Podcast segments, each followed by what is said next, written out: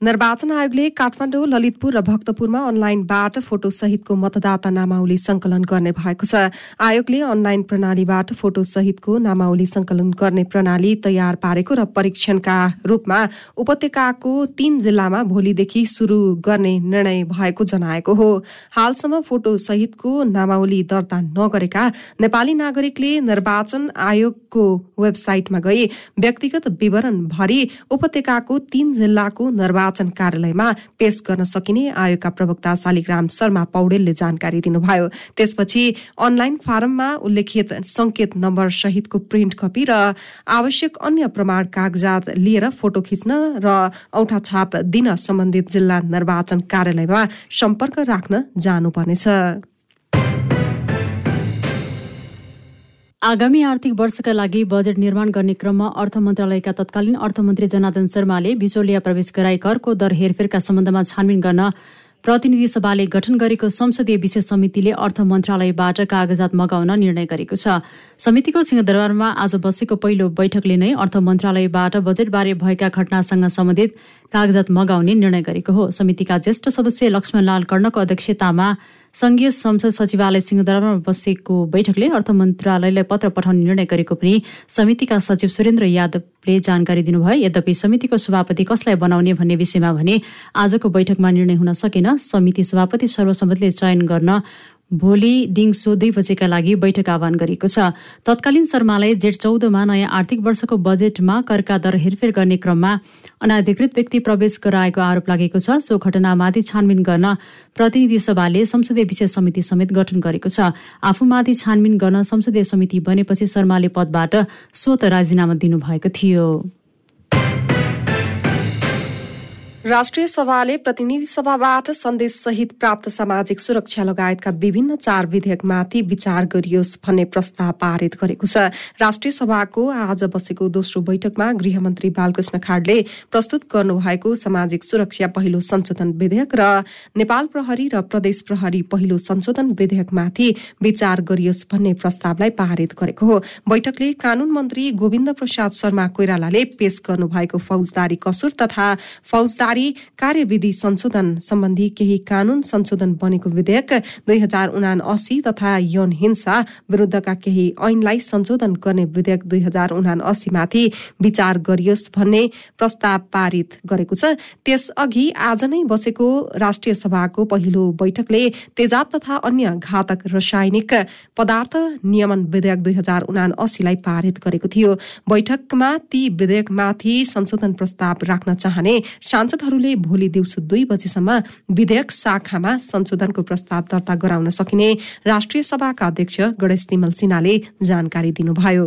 नेपाल प्रहरी र प्रदेश प्रहरी कार्य सञ्चालन सुपरिवेक्षण र समन्वय पहिलो संशोधन विधेयक दुई हजार उनासी फौजदारी कसुर तथा फौजदारी कार्यविधि सम्बन्धी केही ऐन संशोधन गर्ने विधेयक दुई हजार उनासी र यौन हिंसा विरुद्धका केही ऐनलाई संशोधन गर्ने विधेयक दुई हजार उनासीमाथि संशोधन प्रस्ताव राख्न चाहनुहुने माननीय सदस्यहरूले राष्ट्रिय सभा नियमावली दुई हजार पचहत्तर बमोजिम राष्ट्रिय सभा अन्तर्गतको विधेयक शाखामा मिति दुई हजार उनासी असार उन्तिस गते अपरान्ह दुई बजेभित्र संशोधन प्रस्ताव दर्ता गर्न सक्नुहुने बेहोरा जानकारी गराउँदछु। राष्ट्रिय सभाको अर्को बैठक आउँदो बिहिबारका लागि बोलाइएको छ। जनता समाजवादी पार्टीका संघीय परिषदका अध्यक्ष डाक्टर बाबुराम भट्टराईले आफूहरूको बहस पार्टीको रूपान्तरण र पुनर्गठनमा केन्द्रित रहेको बताउनु भएको छ। काठमाडौँमा आफू पक्षीय केन्द्रीय समितिको आज बसेको विस्तारित बैठकलाई सम्बोधन गर्दै उहाँले पार्टीलाई देशव्यापी बनाउनका लागि रूपान्तरण र पुनर्गठनमा बहस गर्न खोजेको बताउनु भएको हो। भट्टराईले पछिल्लो समय अध्यक्ष उपेन्द्र यादवले एकपक्षीय निर्णय गर्दै हिँडेको र पार्टीभित्र कुनै छलफल नै नगरी वीरगंजमा बैठक बोलाएको पनि आरोप लगाउनुभयो। उहाँले वैधानिक ढंगबाट बैठक राख्न र सरसल्लाह गरेर विधि सम्मत बैठक राख्न यादवलाई सुझाव दिनुभएको थियो।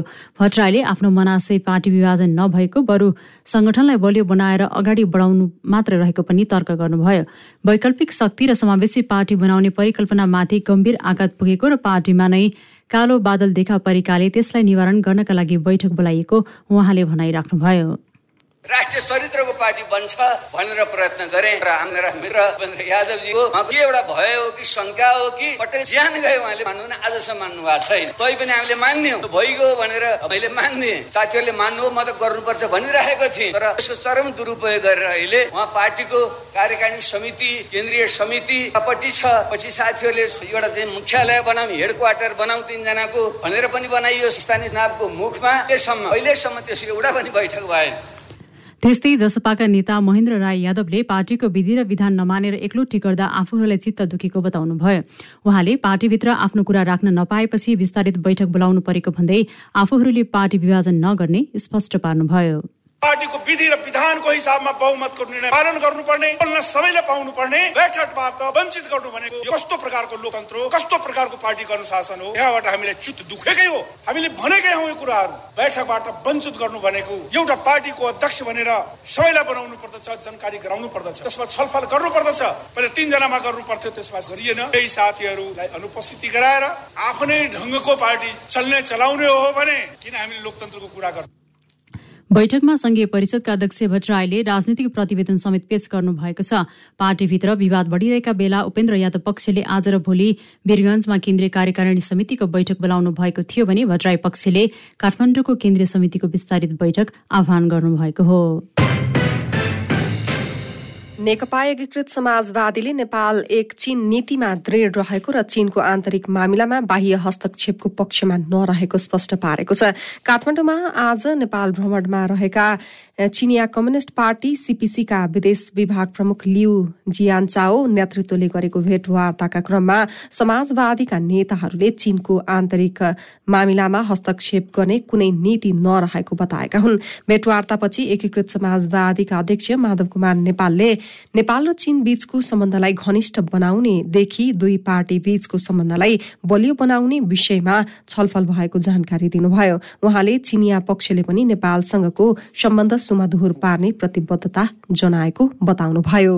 कसरी नेपाल र चिन बिचको सम्बन्धलाई अझ घनिष्ठ बनाउन सकिन्छ अझै सम्बोधन कसरी बनाउन सकिन्छ भन्ने पक्षदेखि र दुई पार्टी बिचको सम्बन्धलाई पनि कसरी हामी चाहिँ अझै विस्तार गर्न सक्दछौँ बलियो बनाउन सक्दछौँ भन्ने कुरा पनि भएका छौँ र हामीले नेपालको नीति चिन प्रतिको र स्पष्ट छ बताएका छौँ। नेपाल एक चिन नीतिमा दृढ छ। र चिनको आन्तरिक मामिलामा बाह्य हस्तक्षेप को नेपाल पक्षमा छैन चिनिया टोलीले नेपालका पार्टीहरू मिलेर अघि बढ्नु भन्ने शुभेच्छा प्रकट गरेको अध्यक्ष नेपालले बताउनुभयो।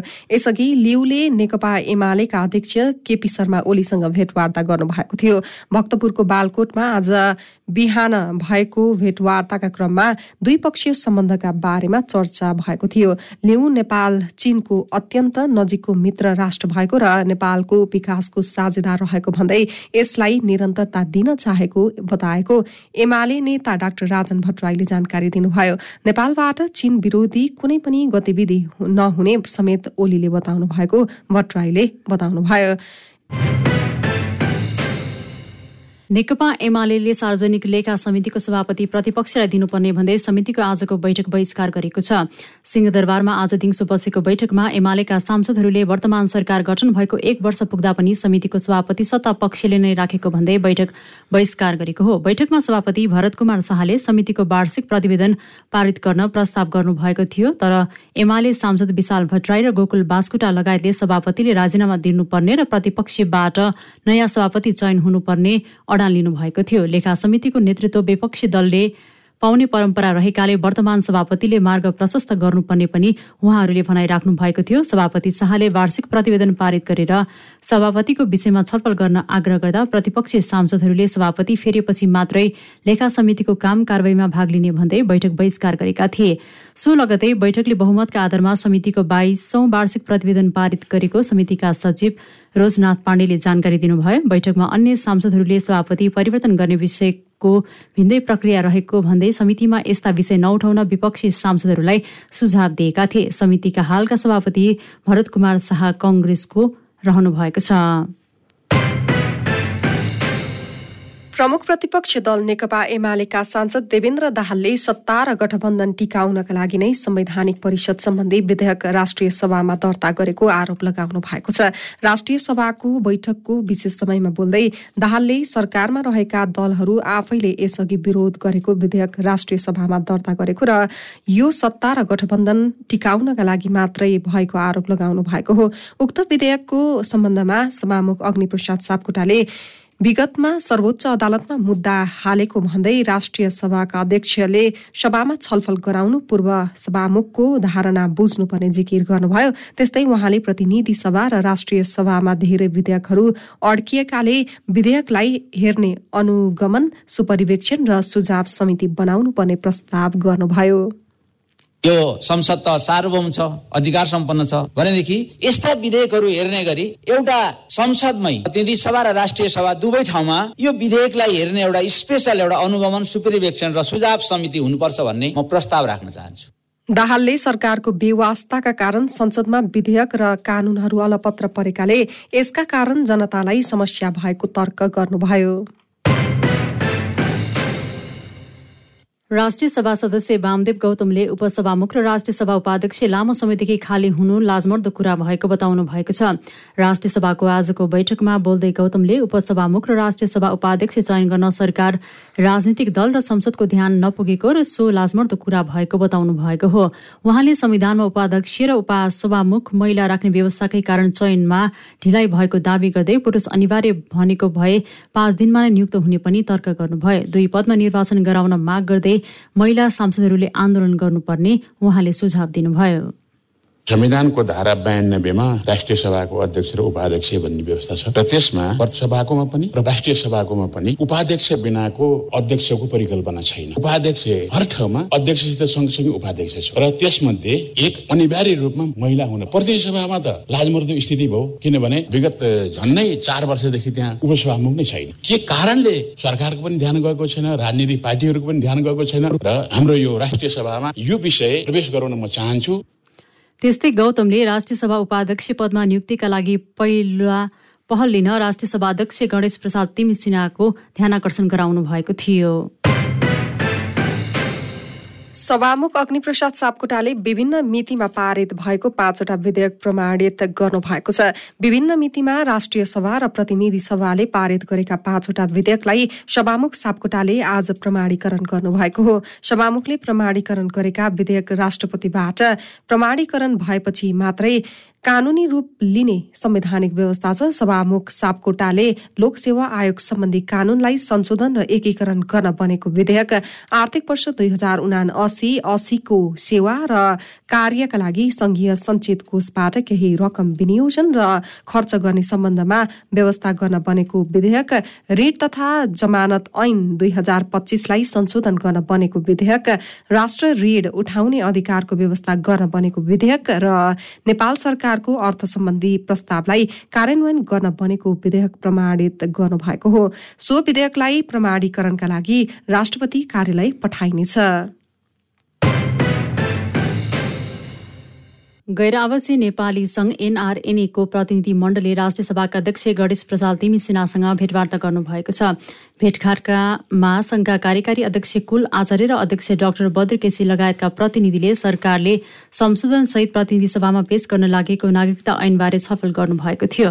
अध्यक्ष तिमिल सिन्हाले गैर आवासीय नेपाली नागरिकका विषयमा संविधानमा प्रावधान भएको विषयबाट पछि हट्न नसकिने र यदि यसमा केही सुधार गर्नुपर्ने विषय भए प्रतिनिधि सभाले नै गर्ने बताउनु भएको थियो। सो कार्यक्रममा उपाध्यक्ष महेश कुमार श्रेष्ठ युरोपका क्षेत्रीय संयोजक चिन्तामणी सापकोटा र सचिवालयका अधिकृत कुणाल मिश्र लगायतको उपस्थिति रहेको थियो। कर्णाली प्रदेश सरकारले साउन एक गते सार्वजनिक विदा दिने भएको छ। प्रदेशको आन्तरिक मामिला तथा योजना मन्त्रालयले आज एक सूचना जारी गर्दै विदा दिने जनाएको हो। साउनी संक्रान्ति तथा देउडा पर्वको अवसर पारेर सार्वजनिक विदा दिइएको मन्त्रालयले जनाएको छ। साउन एक गते प्रदेशभित्रका सम्पूर्ण सरकारी तथा सार्वजनिक संघ संस्थामा विदा लागू हुने मन्त्रालयका सूचना अधिकारी रोशन शाहीले जानकारी दिनुभयो। प्रदेश सरकारको दुई हजार अठहत्तर चैत उन्तिस गते बसेको प्रदेश मन्त्री परिषदको बैठकले साउन एक गते विदा दिने निर्णय गरेको थियो। त्रिभुवन विश्वविद्यालय उपकुलपतिको कार्यालय अगाडि एकीकृत समाजवादी निकट अनेरा सोब्युका विद्यार्थीहरूले आमरण अनसन शुरू गरेका छन्। त्रिवीभित्र रहेका विकृति विसङ्गति बढेको भन्दै उनीहरू चौध बुँदे मागसहित उनीहरू आजदेखि आमरण अनसन शुरू गरेका हुन्। एमफिल र पीएचडीलाई नियमित बनाउन स्रोत साधन र प्राध्यापक त्रिवीको प्रयोग गर्ने विद्यार्थीबाट चर्को शुल्क असुल्ने कार्य गर्ने रोक्नुपर्ने। सोबियु निर्वाचनको मिति तत्काल घोषणा गर्नुपर्ने सेमेस्टर प्रणालीलाई व्यवस्थित बनाउनु पर्ने लगायतको माग गरेका छन्। अनेरा सोबियु अध्यक्ष सुदेश पराजुलीले चौध बुन्दा माग पूरा नभएसम्म अनसन जारी राख्ने बताउनुभयो। अख्तियार दुरूपयोग अनुसन्धान आयोगले सर्लाहीको साविक सलेमपुर गाविसका तत्कालीन सचिव ध्रुव नारायण झा विरूद्ध भ्रष्टाचारको मुद्दा दायर गरेको छ। उनले सार्वजनिक सम्पत्ति हानि नोक्सानी गरी भ्रष्टाचार गरेको जनाउँदै अख्तियारले आज विशेष अदालत काठमाडौँमा मुद्दा दायर गरेको हो। दायर गरिएको मुद्दामा झासँग सात लाख एकाउन्न हजार रुपियाँ बिगो दावी पनि माग गरिएको छ। झाले विभिन्न योजना कार्यान्वयन एवं सेवा प्रवाहमा अनियमितता गरेको भन्ने उजुरी परेपछि अख्तियारले उनीमाथि अनुसन्धान सुरु गरेको थियो। अनुसन्धान हुँदा तत्कालीन गाविस झाले सात लाख एकाउन्न हजार रुपियाँ विभिन्न व्यक्तिको नाममा निकाली सरकारी रकम हिनामिना गरेको पुष्टि हुन आएको। अख्तियारले आज एक विज्ञप्ति मार्फत जनाएको हो। अख्तियार दुरूपयोग अनुसन्धान आयोगले ललितपुरको हरिहर भवन स्थित पशुपन्छी बजार प्रवर्धन निर्देशनालय कार्यालयका कार्यक्रम निर्देशक बलराम थापा छेत्री सहित सातजना विरुद्ध आज भ्रष्टाचार मुद्दा दायर गरेको छ। उनीहरूले सडचालिस लाख सडतिस हजार छ सय उन्तिस रुपियाँ गैर कानूनी लाभ तथा हानि पुर्याई भ्रष्टाचार गरेको ठहर गर्दै अख्तियारले आज विशेष अदालत काठमाडौँमा मुद्दा दायर गरेको हो। आज दायर गरिएको मुद्दामा प्रत्येकसँग सडचालिस लाख सडतिस हजार छ सय उन्तिस रुपियाँ बिगो दावी गरिएको छ। नेपालमा थप एक सय सतहत्तर जनामा कोरोना संक्रमण पुष्टि भएको छ। देशभर गरेको एक हजार आठ सय पाँच पीसीआर परीक्षणका क्रममा एक सय चौवालिसजना र एक हजार तीन सय एक्काइस एन्टिजेन परीक्षणका क्रममा तेत्तीसजनामा कोरोना संक्रमण पुष्टि भएको स्वास्थ्य मन्त्रालयले जनाएको छ। त्यस्तै थप एकचालिस संक्रमित निको भएका छन्। हाल नेपालमा आठ सय त्रिहत्तर सक्रिय संक्रमित आइसोलेसनमा रहेको स्वास्थ्य मन्त्रालयले जनाएको छ। चालु आर्थिक वर्षको जेठ महिनामा कर्जाको ब्याज दर तीन प्रतिशत बिन्दुले बढेको छ। राष्ट्र ब्याङ्कले सार्वजनिक गरेको चालु आर्थिक वर्षको एघार महिनाको मासिक प्रतिवेदनले कर्जाको ब्याज दर औसत तीन दशमलव आठ प्रतिशत बिन्दुले बढेको देखाएको हो। राष्ट्र ब्याङ्कका अनुसार जेठसम्म कर्जाको भारित औसत ब्याज दर एघार दशमलव पाँच चार प्रतिशत रहेको छ। गत आर्थिक वर्षको सोही अवधिमा यस्तो ब्याज दर आठ दशमलव चार छ प्रतिशत रहेको थियो। पछिल्लो छ महिना यता ब्याङ्क तथा वित्तीय संस्थाले कर्जा प्रवाह ठप्प पारेका छन्। राष्ट्र ब्याङ्कले अझै कर्जाको ब्याज दर बढ्न सक्ने पनि संकेत गरेको छ। त्यस्तै गत वर्षको तुलना तुलनामा चालु आर्थिक वर्षको एघार महिनासम्मका निक्षेपको ब्याजदर पनि औसतमा बैसठी प्रतिशत बिन्दुले बढेको छ जसअनुसार दुई हजार उना अस्सी जेठमा वाणिज्य ब्याङ्कहरूको निक्षेपको भारित औसत ब्याजदर सात दशमलव तीन चार प्रतिशत रहेको छ। गत आर्थिक आर्थिक वर्षको सोही अवधिमा सो ब्याजदर चार दशमलव सात दुई प्रतिशत रहेको थियो। शेयर बजार परिसूचक नेप्से आज झिनो अङ्कले सुधारमा आएको छ। नेप्से आज एघार दशमलव छ आठ अङ्कले बढेर एक हजार नौ सय सत्ताइस दशमलव दुई आठ बिन्दुमा पुगेको हो। आज सबै समूहको शेयर सामान्य बढेको छ। दुई सय छब्बीसवटा कम्पनीका उन्चास लाख सडसठी हजार पाँच सय एकसठी किता शेयर कुल एक अर्ब सत्तरी करोड सतहत्तर लाख बाहन्न हजार नौ सय अठहत्तर रुपियाँमा कारोबार भएको छ। सबैभन्दा धेरै अरूण काबेली हाइड्रोको सात करोड पञ्चानब्बे लाख तथा गुर्खाज फाइनान्स र शिवम सिमेन्टको झण्डै साढे सात करोड रुपियाँका दरले शेयर किनबेच भएको छ?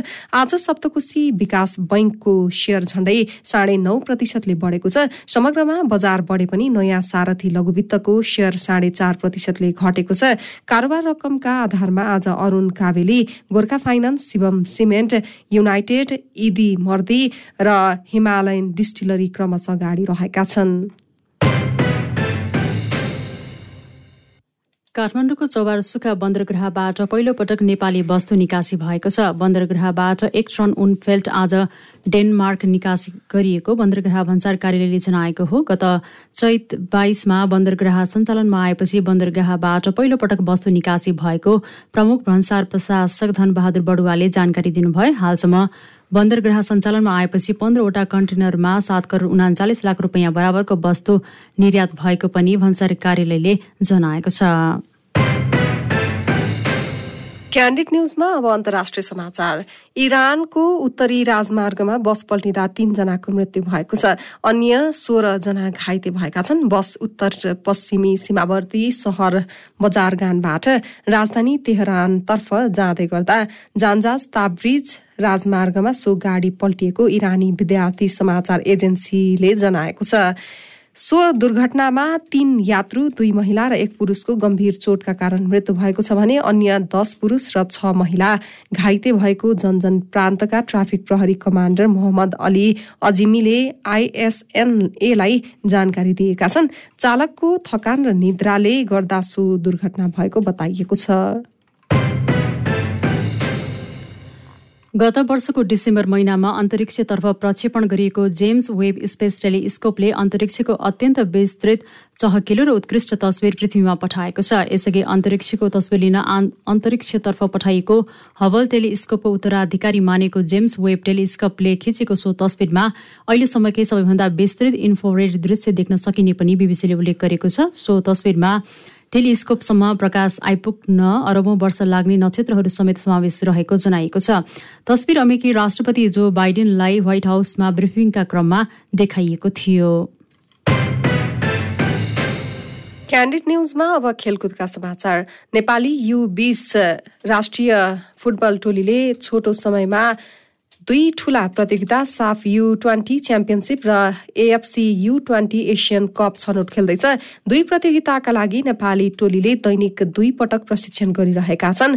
मुख्य प्रशिक्षक मेघराज केसीको नेतृत्वमा युवा टोली उपाधि जित्ने लक्ष्यसहित तयारीमा लागेका छन्। नेपाली युवा टोली प्रतियोगिताका लागि निकै मेहनत गरिरहेका छन्। युवा टोली भारतमा आयोजना हुने यु ट्वेन्टी साफ जित्दै बहराइनमा हुने AFC U twenty Asian cup छनौटबाट Asian कपमा पुग्न लक्ष्यका साथ अगाडि बढिरहेका छन्। इजिप्टले राष्ट्रिय पुरुष फुटबल टिमको मुख्य प्रशिक्षकमा रुई भिक्टोरियालाई अनुबन्ध गरेको छ। इजिप्ट एफएले आज पोर्चुगिज प्रशिक्षक भिक्टोरियालाई मुख्य प्रशिक्षकमा नियुक्त गरिएको जनाएको हो। बाहन्न वर्षीय प्रशिक्षकले इजिप्टसँग चार वर्षको सम्झौता गरेका छन्। भिक्टोरियाले दुई हजार छब्बिसको विश्वकपसम्म इजिप्टको टोली सम्हाल्नेछन् उनी सफल युरोपियन प्रशिक्षक मध्ये एक हुन्। गत वर्ष भिक्टोरियाले रुसी क्लब स्पाटक मस्को टोली सम्हालेका थिए।